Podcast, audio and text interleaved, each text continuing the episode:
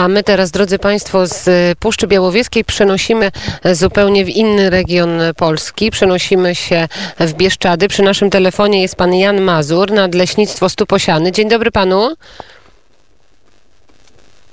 Halo, halo, czy pan mnie słyszy? Chyba. Halo, halo, czy pan nas słyszy dobrze?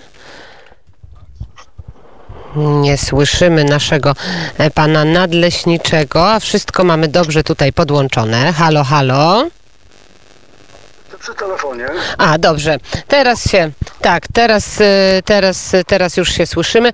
I w telegraficznym skrócie szybko przenosimy się właśnie do e, Bieszczadów. E, Pan Jan Mazur, protest ekologów, blokada budynku Nadleśnictwa w Stuposianach. E, Jak doszło i jakie są konsekwencje i czego domagali się w ogóle protestujący? E, Pani redaktor, drodzy słuchacze, mamy problem z e, e, ludźmi, którzy działali kiedyś w obozie dla puszczy, czy stąd e, taki e, wspólny temat między e, tamtym regionem a, a Bieszczadami. Od trzech lat pojawiły się u nas te, te same osoby. E, To jest mm, około 15 osób, e, które działały w inicjatywie w obozie dla puszczy.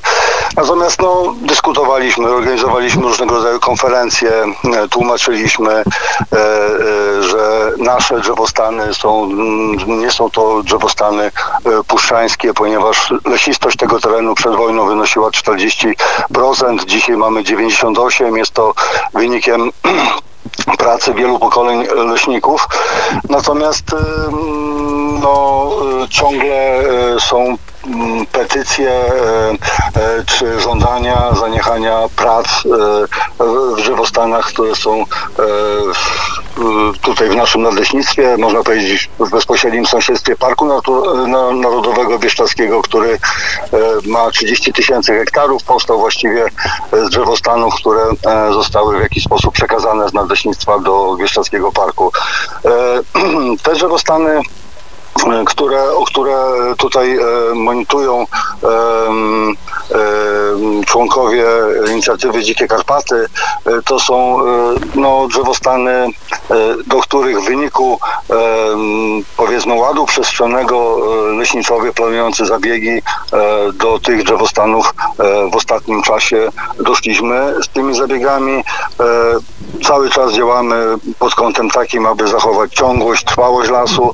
E, Jak pradziadowie mówili, e, jodłej buka odnawia się siekierą poprzez umiejętne cięcia, tak też my to robimy, e, gro drzewostanów bukowych, właściwie wszystkie Ale dlaczego raptem bukowe teraz, ale dlaczego raptem teraz y, protestujący przyjechali właśnie w Bieszczady i dlaczego raptem teraz zaczęli protestować? Skąd raptem ten pomysł? Pani, pani redaktor, ym, e, oni są tutaj właściwie stale od trzech lat, natomiast w tym roku Czyli rozumiem, że jak skończyła się sprawa Puszczy Białowieskiej, to przenieśli teraz swoje zainteresowanie na Bieszczady. no, przenieśli zainteresowania e, na Bieszczady. Ja wielokrotnie słyszałem o takiej koncepcji, żeby wyłączyć w ogóle z użytkowania e, obszar od e, Przemyśla po Gorlice.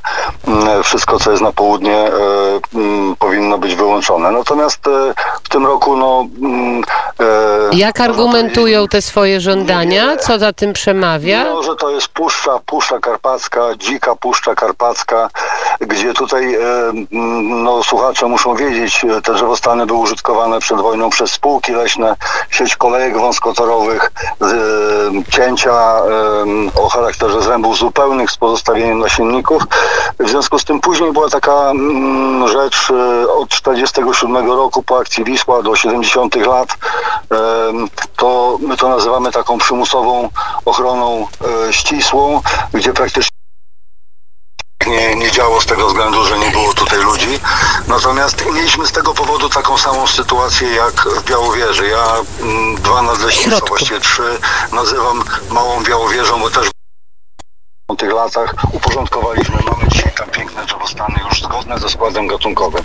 Natomiast e, w tym roku nie, nic niezbyt wiele e, udało się e, inicjatywie Dzikie Karpaty osiągnąć, patrząc na no, działalność przede wszystkim facebookową.